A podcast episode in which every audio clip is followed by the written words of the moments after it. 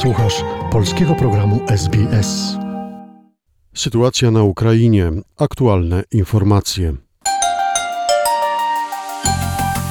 Z zakładów Azowstal w Mariupolu wywieziono ponad 260 ukraińskich wojskowych. Wicepremier Ukrainy Irina Wereszczuk napisała, że 52 rannych żołnierzy będzie wymienionych na Rosjan. Stanie się tak, kiedy uda się ustabilizować stan zdrowia rannych. Wcześniej informowano, że są przewiezieni do szpitala na terytorium kontrolowanym przez siły rosyjskie. Oprócz rannych z fabryki miano też wywieźć 211 żołnierzy do miejscowości Ołeniwka, skąd także w procesie wymiany mieliby być przemieszczeni na terytoria kontrolowane przez Ukrainę. Na terenie zakładów w Mariupolu może znajdować się jeszcze kilkuset Ukraińców. W Charkowie na wschodzie Ukrainy przywracane jest kursowanie komunikacji miejskiej. Jeżdżą niektóre autobusy i trolejbusy, a za kilka tygodni mieszkańcy będą mogli pojechać także tramwajem i metrem. W trakcie rosyjskich nalotów zniszczeniu uległa prawie połowa taboru tramwajowego, trolejbusowego i autobusowego. Przez najbliższe dwa tygodnie komunikacja w Charkowie ma być bezpłatna. Tymczasem w wracają płatne przejazdy transportem publicznym. Decyzję podjęto w związku z tym, że do stolicy Ukrainy wróciło wielu mieszkańców.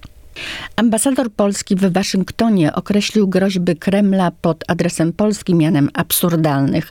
Marek Magierowski został zapytany o wypowiedzi przedstawicieli Kremla w sprawie konieczności rzekomej denazyfikacji Europy Wschodniej, przede wszystkim Polski.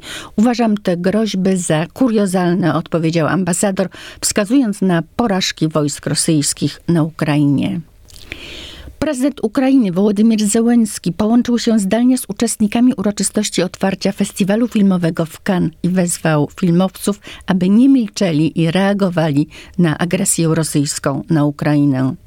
Zełenski nawiązał do bohatera filmu Czeplina.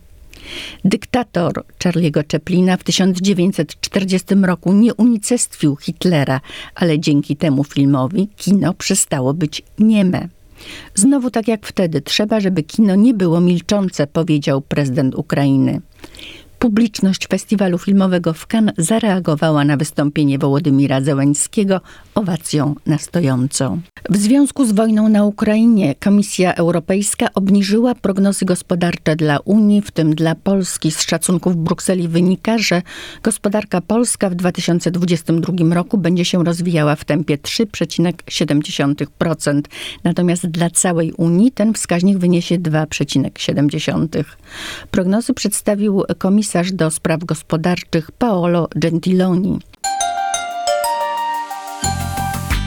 Materiał opracowano na podstawie doniesień Newsroomu SBS oraz informacyjnej agencji radiowej. Polub nas na Facebooku, udostępnij innym, skomentuj, bądź z nami na polskim Facebooku SBS.